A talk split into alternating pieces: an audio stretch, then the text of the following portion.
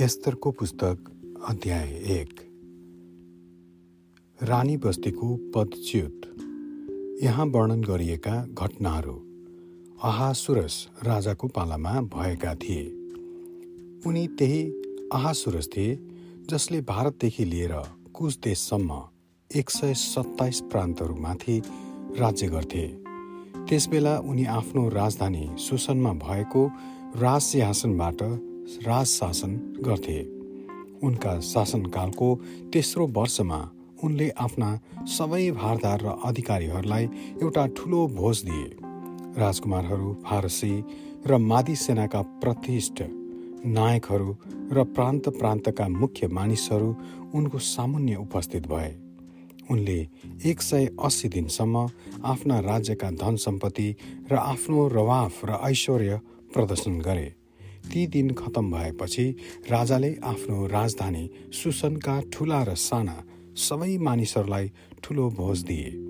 त्यो भोज राजाका राजदरबारको बगैँचामा सात दिनसम्म रहिरह्यो। त्यहाँ बगैँचामा सुती कपडाका सेता र निला पर्दाहरू झुन्डिएका थिए जो सेता र बैजनी रङका डोरीहरूले सिंहमरमरका खम्बाहरूमा भएका चाँदीका गोलचक्रसित बाँधिएका थिए। त्यहाँ बुट्टा बनाइएका राता सेता सिंहमरमरका र अरू मूल्यवान र पत्थरहरूले छापिएको फर्समाथि सुन र चाँदीका बस्ने आसनहरू थिए। राजाले एक अर्काबाट भिन्न भिन्नै भएका सुनका कचौराहरूमा दाखमध्ये दिए। राजाले दिएको दाखमध्य राजसी उदारताको प्रशस्तामा थियो। त्यहाँ कसैलाई जबरजस्तसँग पियाउने नियम थिएन। हरेक मानिसका इच्छाको ख्याल राख्नु भनी राजाले आफ्ना भण्डारका मध्य टक्राउने सबै सेवकहरूलाई हुकुम गरेका थिए। यसबाहेक रानी बस्तीले पनि राजा असरसुरकै राजमहलमा स्त्रीहरूलाई एउटा ठुलो भोज दिइन्। सातौं दिनमा जब राजा दाखमत्ते पिएर मस्त भएका थिए तब तिनले आफ्नो घरको व्यवस्था मिलाउने सातजना नपुंसक सेवकहरू अर्थात् महुमान बिस्था हर्मोना बिक्ता अग अबबात जेथेर र कर्कासलाई मानिसहरू र भारदारहरूका सामु रानी बस्तीको सौन्दर्य देखाउनलाई राजसी सिरपेन्च पहिरेर ल्याउनु भनी हुकुम गरे किनभने तिनी असाध्य सुन्दरी थिइन्। तर ती नपुंसकद्वारा दिएको राजाको हुकुम मानेर आउन रानी बस्तीले इन्कार गरिन्। यसले गर्दा राजा अत्यन्त क्रोधित भए उनी रिसले आगो भए। राजाले यस्तो दुराचरण सम्बन्धी राजसी चलन अनुसार कानुन र न्यायका पोख्त र ज्ञानी सल्लाहकारहरूसँग सल्लाह लिए।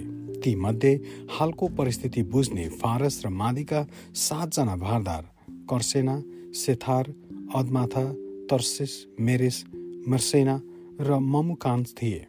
उनीहरू राजाको नजिकका थिए।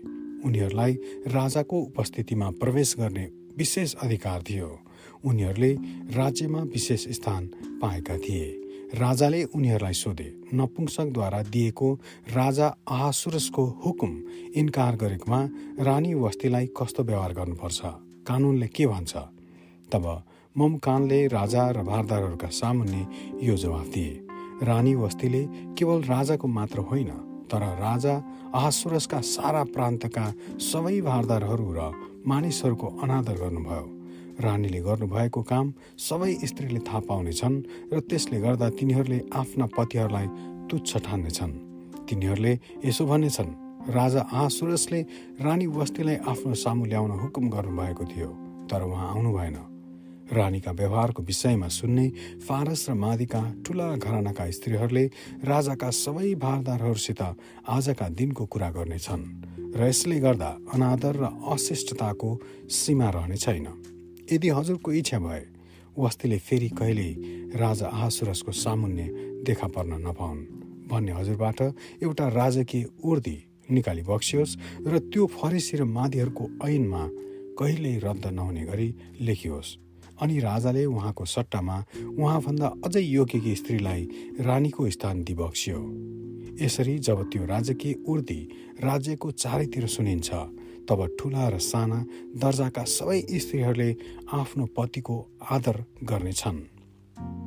ममुकानको सल्लाहलाई भारदारहरू सबैले असल ठाने र तिनको प्रस्ताव राजाले स्वीकार गरे।